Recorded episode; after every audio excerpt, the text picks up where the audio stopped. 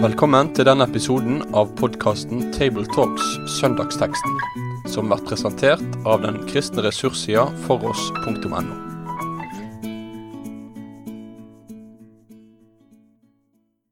Da er det en glede å ønske velkommen til en ny episode av eh, Table Talks fra oss her i Bergen. Rundt bordet sitter i dag Rolf Kjøde, som er høyskolelektor ved NLA-høgskolen, og meg sjøl Tarjei Gilje, som er redaktør i Dagen. Vi skal gå gjennom teksten, eller tekstene, for andre søndag i åpenbaringstiden. Evangelieteksten er hentet fra Matteus evangeliet kapittel 3, vers 13 17, og handler om Jesu dåp. Rolf leser. Da kom Jesus fra Galilea til Johannes ved Jordan for å bli døypt av han.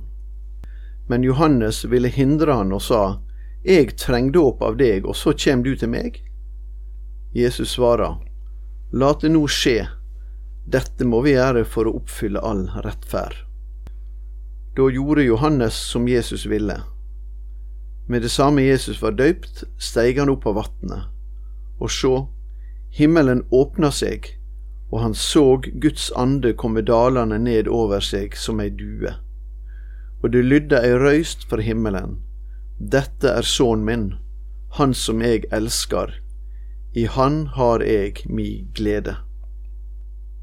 Det er ikke så vanskelig synes jeg, å, forstå at uh, Johannes uh, vegret seg for å døpe Jesus og syntes dette var en, en underlig, underlig forespørsel intuitivt kan det nesten virke som en invitasjon til, til Guds bespottelse, altså at, at, rollene skulle være helt omvendt.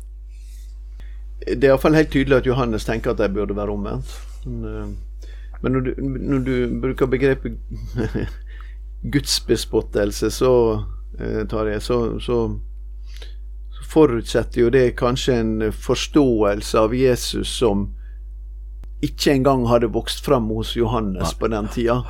Eh, men det er iallfall noe sterkt paradoksalt i det. fordi at uh, det er tydelig at Johannes forstår at, uh, at Jesus kommer med noe annet enn det noen andre kunne kommet med. Annet fordi han tidligere her i, i, i dette kapitlet, som jo handler om Johannes og hans virksomhet, snakker og peker fram mot han og, og sier at han er den som kommer og skal døpe med Den hellige ånd og mm, ild. Og Går vi til Johannes evangeliet, så sier han se, han er Guds lam. Der er Guds lam som bærer bort verdens synd. Så, så helt åpenbart at Johannes døperen har en uh, forståelse av at han der er ikke bare er slektningen min, det er, er, noe langt mer med han. Ja.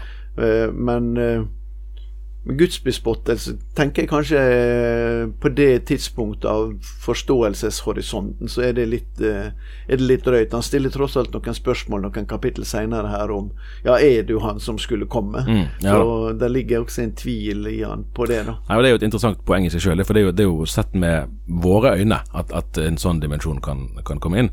Men, men uh, Johannes så jo gjerne ikke det allerede på dette tidspunktet her. Nei, vi, Johannes så nok mer enn alle andre på det tidspunktet, men om han skulle ha sett så langt, det er vel et mm. stort spørsmål i den jødiske konteksten som, som han var i. Akkurat. Så snakker Jesus om at dette måtte skje for å, du leste, for å oppfylle all rettferd, tror jeg du leste. Eh, det er et litt gåtefullt uttrykk. Jeg har ikke helt klart å finne ut av hva det betyr. Nei, altså, det, det er jo rettferdighet er faktisk et ord som Matteus bruker langt mer enn uh, de andre, enn de andre evangeliene. Slik at det er et sentralt ord hos Matteus. Og vi kjenner jo det veldig godt fra bergpreika. Der kommer det flere ganger, bl.a.: Søk først Guds rike og hans rettferdighet. Mm. Så skal du få alt dette andre i tillegg. Eh, salig de som blir forfulgt for rettferdighets skyld uh, himmelriket der. og Slik, slik møter vi dette rettferdighetsordet flere ganger i, i, i Det nye testamentet, uh, nei, i, i Mattesevangeliet. Uh, og er ikke dere rettferd større enn fariseerne sin? Og, og, og, da er han på vei inn i dette som der han på en måte etter hvert er nødt til å formidle at nei, men dere når ikke den rettferdigheten. Så vi har fått Det er et rettferdighetsbegrep som er knytta til Guds rike, som er knytta til Guds frelse. Og da kanskje vi kan forstå eh, litt av bruken av når Jesus svarer døperen her, at uh, det som skjer i Jesu dåp, det er på en måte inngangen til hans store arbeid med, og hans store gjerning for rettferdigheten, for mm. Guds rike, for Guds frelse. Det knyttes sammen allerede i det begrepet. Akkurat. Uh, så det er ikke bare det etiske, politisk-etiske rettferdighetsbegrepet, men det er dette rettferdighetsbegrepet som bærer frelse og Guds rike i seg. Vi er i kapittel tre i Matteusevangeliet, og så langt har ikke Jesus rukket så mye mer enn å bli født og å flykte til Egypt, men vi er nå ved innledningen av den mest aktive perioden i hans tjeneste på jorden, og her blir han altså uh, døpt. Når jeg leste teksten, så kom jeg til å tenke på, på noe som eh, min NT-lærer Gunnar Jonstad snakket om da jeg var eh, student ved den skole du jobber, uh, og han forklarte at, uh, at vi som kristne blir døpt fra våre synder, så å si, mens Jesus nærmest ble døpt til våre synder. Altså at dåpen ytre sett kan se lik ut, men at det som skjer, er egentlig helt motsatt. Ja, og da, kommer vi også inn i dette spørsmålet om eh, dåpen i en jødisk kontekst. Mm. Fordi at dette er jo fortsatt hakket før uh, på en måte den kristne dåpen. Johannesdåpen og den kristne dåpen. Og Det viser jo ikke minst apostelgjerningen tekster, som vi sikkert kommer litt tilbake til, uh, som også er altså, den, Jeg har lest teksten for den dagen, er jo fra apostelgjerningene. der der uh, Apollos, som bare var døpt med Johannes dåp, mm, vi mm. møter mm. han, og så møter vi denne gjengen som også Fins det noe annet dåp enn Johannesdåpen, og så blir de døpt i Jesu navn og lagt på dem for Den hellige ånd. Ehm, så, så det er et steg fra Johannesdåpen til den kristne dåpen også, men spørsmålet er i hvor stor grad er Johannesdåpen eh, en, en, jødisk, eh, en jødisk virksomhet. I hvor stor grad er dåp en jødisk virksomhet? Det vi kjenner fra Det gamle testamentet, det er jo det er jo noe som på hebraisk heter rachats, eh, og som, mener jeg, eh, og som, som, handler om, som, handler om, vasking. Altså det at en mm. skal vaske seg, en skal rense seg. Men det går mest på å vaske hender og føtter og slike ting. Altså det, det er den type rensing. Eh, mens når vi kommer inn i, i, inn i denne tida her, så, så, så har en begynt med noe som heter tavila. Eh, og som er, og som er en, en rensing av hele kroppen. da og det er jo spesielt kanskje der vi kjenner det fra, er jo at Kumaran-samfunnet ja, driver ganske mye med det. vi, tok, eh, vi tok mellomfag i kristendom i Israel i 2006, og da bodde vi egentlig oppe med, med NLA, da, da bodde vi oppe med Tiberiasjøen. Og det var det et av de årene når det kom mye raketter fra ja. Libanon, så vi måtte flytte. Eh, egentlig ufrivillig, for det var veldig flott der vi var, men vi måtte flytte til en kibbutz som lå like ved Kumaran. Ja. Så den fikk vi vært borte i, i hulene der og sett, og fikk jo da levende fortalt om bl.a. om renselsesbadene ja. som de hadde der, som på en måte kan du si har en viss sånn forløper. Og, eller i hvert fall en parallell, da. Ja, det, er jo det, og det var jo ting som de gjorde om igjen. Det kunne gjøre mange ganger. Det er sånne rensinger som du kunne gjøre mange ganger. da. Mm. Og, eh, og i, rabbi, i, rabbinismen senere, også etter Jesu tid, så, så, blir det liksom fastslått at dette med, med renselse, med neddykking, som egentlig ikke er fra Det gamle testamentet, er noe som fastslås, da, som noe som blir. Og det er jo institusjonalisert også. Eh, men, eh, men så er det inn i dette Johannes kom, og han er jo ikke sånn som esenerne, altså kumeransamfunn, som drar seg tilbake til seg sjøl, men han er en som går ut til folket for at mm. de skal vende om.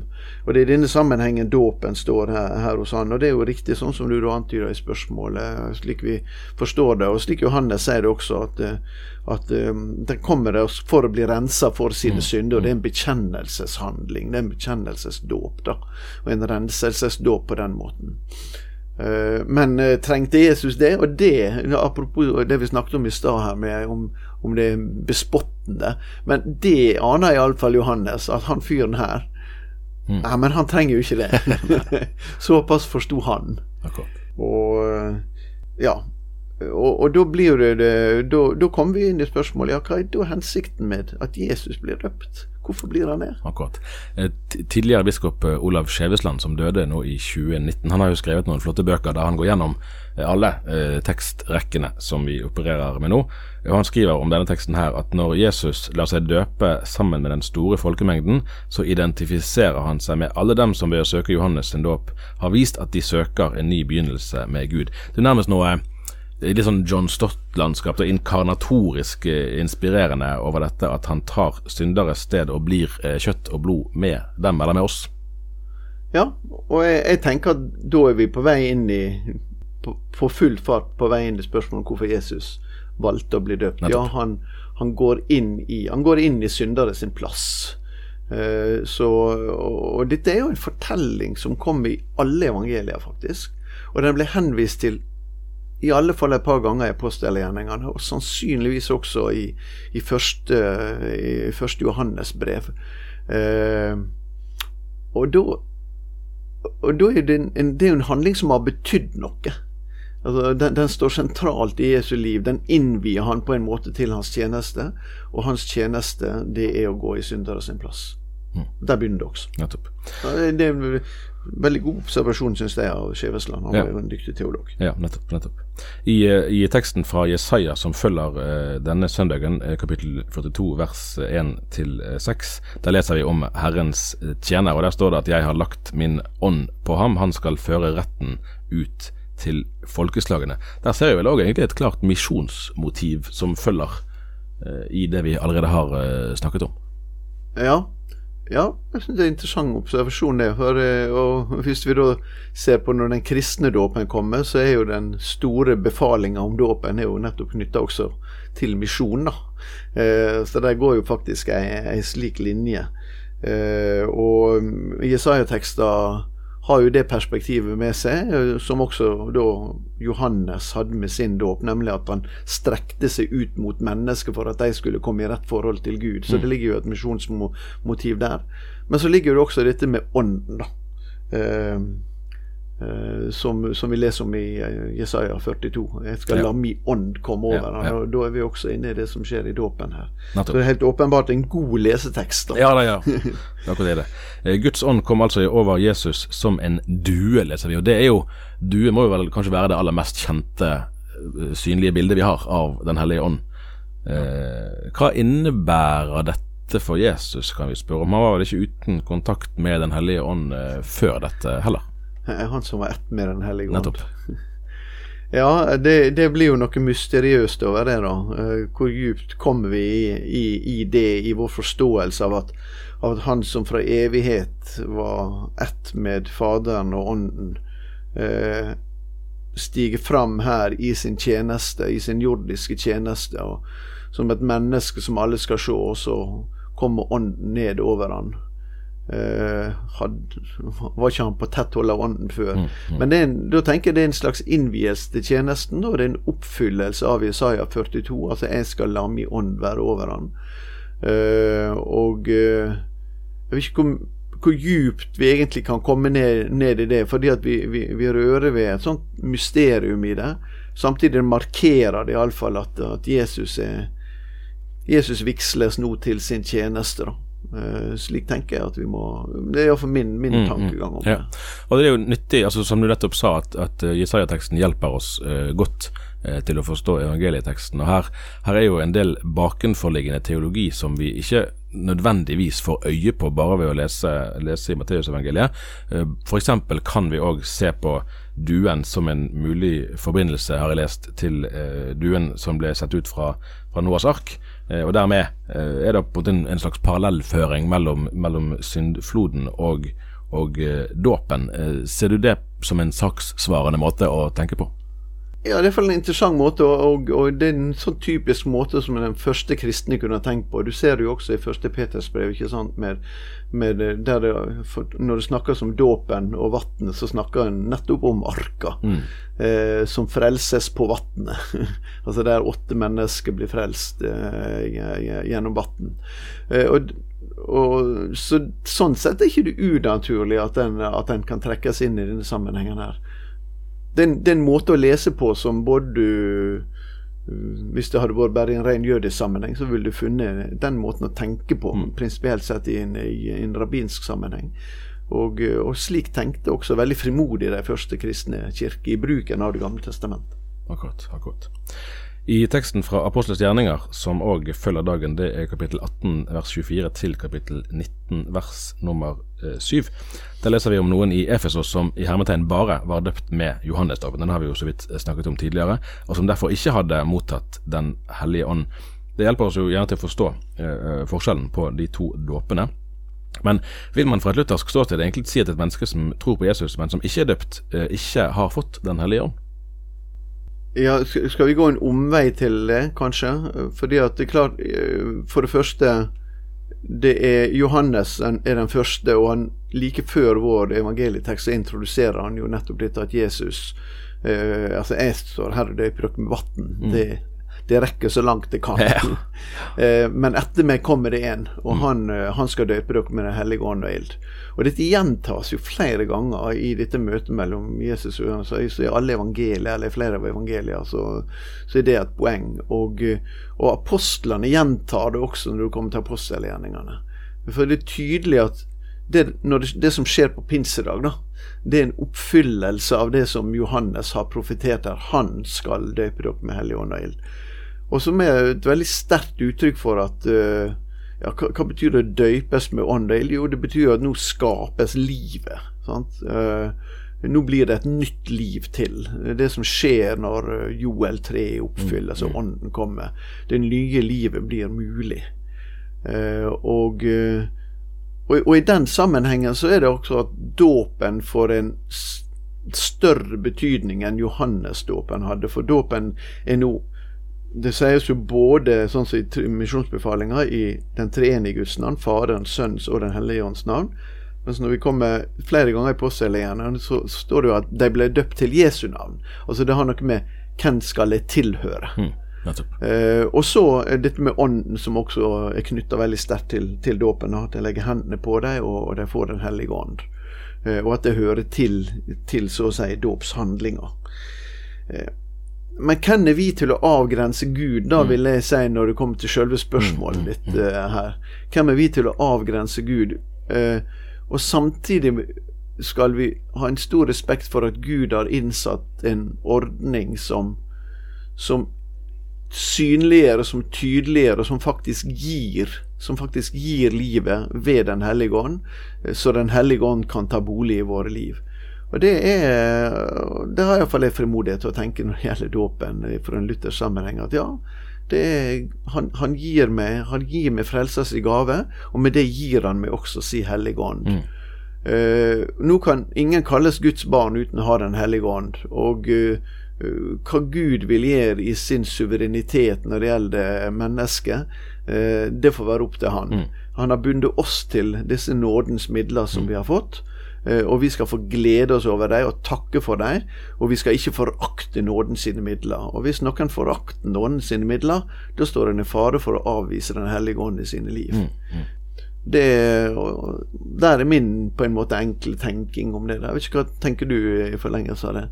Jeg syns i hvert fall at det er, selv om det er spørsmålet kanskje har en mer allmenn inngang enn en skarpt eh, eksegetisk, at det er vanskelig å, å følge et resonnement om at alle de eh, levende kristne menneskene som både du og meg kjenner, som, eh, som eh, ikke har vært døpt før de har gått opp i tenårene, at de ikke skulle være bærere av, eh, av Guds ånd før det, eh, det, det er krevende å få til å gå helt opp, da, for å si det sånn. Nei, men, Og du tenker jo jeg at uh, det er jo det, Altså, dåpen er et middel. Mm. Akkurat som nattverden er et middel. Et veldig viktig middel. Altså et nådens middel. Uh, men det som det formidler er jo evangeliet, og det samme evangeliet formidles også til oss i forkynnelsen, i Guds ord. Det er evangeliet som formidles til oss. Og, eh, men det er veldig viktig at en, at en ikke forakter og mm. snur seg ifra det som Gud strekker fram til oss. Da står en i fare for å avvise Gud sjøl. Ja, ja. ja. Og det er kanskje noe, noe, Hvis vi skal være optimistiske, da, så er det jo noe som Altså for Det er jo ikke noen tvil om at, om at og dåpssyn eh, og konflikten rundt det har jo gjort spørsmålet eh, vanskeligere å forholde seg til på mange måter. Eh, men kanskje kan jo den utviklingen òg snus til en fornyet nysgjerrighet i det flere bibellesere ser at ok, jeg vet om at det har vært mye krangling om dette tidligere, og at det har skapt splid og, uro, og at det har flere vært vegret seg for å snakke så mye om det, men dette er jo et sentralt bibelsk anliggende, det er noe, noe sentralt kristelig ved å bli døpt. Og da trenger vi jo å få mer eh, grep om hva dette faktisk eh, handler om. Ja, absolutt. Og jeg, jeg, jeg mener jo at det er, det er veldig positivt at flere trossamfunn nå for tida snakker sammen om dåpen, og jeg syns det aner at en også kan snakke seg sammen på dette spørsmålet om at, at der flere og flere vil bruke et språk knytta til dåpen, at det det er, en Guds gave. Det er Gud som strekker seg mot oss i dåpen. Uh, enten en da har et, et syn som åpner for dåp av barn, spedbarn, sånn mm. som uh, vi vil ha i en luthersammenheng, mm. mm. eller en ikke gjør det som i andre sammenhenger, men likevel holder fast ved at dåpen er ikke primært en handling som vi gjør, men dåpen er en handling som Gud gjør med oss. Uh, og det å kunne samle seg litt sånn økumenisk om en sånn punkt i en samtale, det er jo en kjempegod inngang iallfall til å komme litt videre i det spørsmålet. Jeg er det. Jeg er det. Eh, og så, Nå er jeg tilbake til eh, Olav eh, Skjevesland igjen her. Han skriver om at, at motivet 'den elskede', som, altså betennelsen som, som, blir brukt, ser en relasjon til, til, Abraham, som fikk beskjed om å ofre sin sønn Isak. Altså, som, altså det brennbare materialet som han bar i relasjon til Jesu kors. og da er jo, Apropos det med å, å forstå teksten i en teologisk kontekst utover det du sånn helt umiddelbart Eh, kan se av ordlyden. Eh, da plasserer vi jo teksten virkelig òg i en frelseshistorisk sammenheng. sånn at det som, det som, skjer her, handler om mye mer enn det eh, du Altså at en mann tar et bad, for å si det sånn. Ja. Jeg, jeg syns det der er en veldig, veldig flott observasjon. Jeg, synes det er en av de fineste tingene egentlig med, med denne fortellinga her. Isak som jo ikke ble ofra. Mm. Mm. Til sjuende og sist så, så, er jo det selve poenget der. Mm. Men, men, her kommer sønnen som blir uh, Guds sønn, som, som blir ofra for vår skyld. Og, uh, og, vi får allerede altså her ved vigslinga til hans tjeneste, som dette her må være, så får vi nettopp uh, ikke bare det at han på en måte går inn i syndere sin plass, som vi la vekt på i stad, men at han også her får denne åpenbaringa overfra eh, om hvem han er. Så kan han lure på hvem den åpenbaringa var for, da. Mm. Eh, hørte alle det som ble sagt? Ja, ja, ja. Her i teksten så står det eh, jo at eh, å se himmelen åpna seg, og han så Guds ande komme dalende ned mm. over seg som mm. ei due. Mm. Ja, det står ikke 'de så nei, den hellige ande komme dalende ned over han'. Men så står det 'lydde ei røst fra himmelen', 'dette er sønnen min'. Det er vel sannsynlig at den har lydd. Det er iallfall slik at de som var der, har fått vite hva den røsta sa. Ja. Men det minner meg litt sånn om dette her forvirringa som var med Paulus ja, på vei til Damaskus. Ikke sant? Mm. Eh, hva hørte de, og hva så mm. de? Eh, men, men endringa hos Paulus eh, og fortellinga videre om det var jo veldig klar, da. Eh, og, men jeg syns dette er et veldig dette er et veldig fint, en veldig fin måte å tenke om denne teksten på, at uh, her fullbyrdes det som uh, Gud ikke lot skje gjennom Isak, mm. men som gjennom Isak var et bilde på det som skulle komme i, uh, med Guds sønn. Ja. og det sier jo noe om at Det sier jo noe om hvor viktig det er for Gud å strekke seg mot oss, hvor mm. viktig det var for Gud å frelse oss. Uh, og, eh, og, det er jo ikke bare sånn at, at faderen overlater sønnen nærmest som en, en bøddel overnatter mm. eh, Eller tar et offer. Det er jo, mm, mm. eh, her er det snakk om, som Jesus sier i Johannes evangeliet, at, eh, at det er ingen som tar livet mitt. Mm.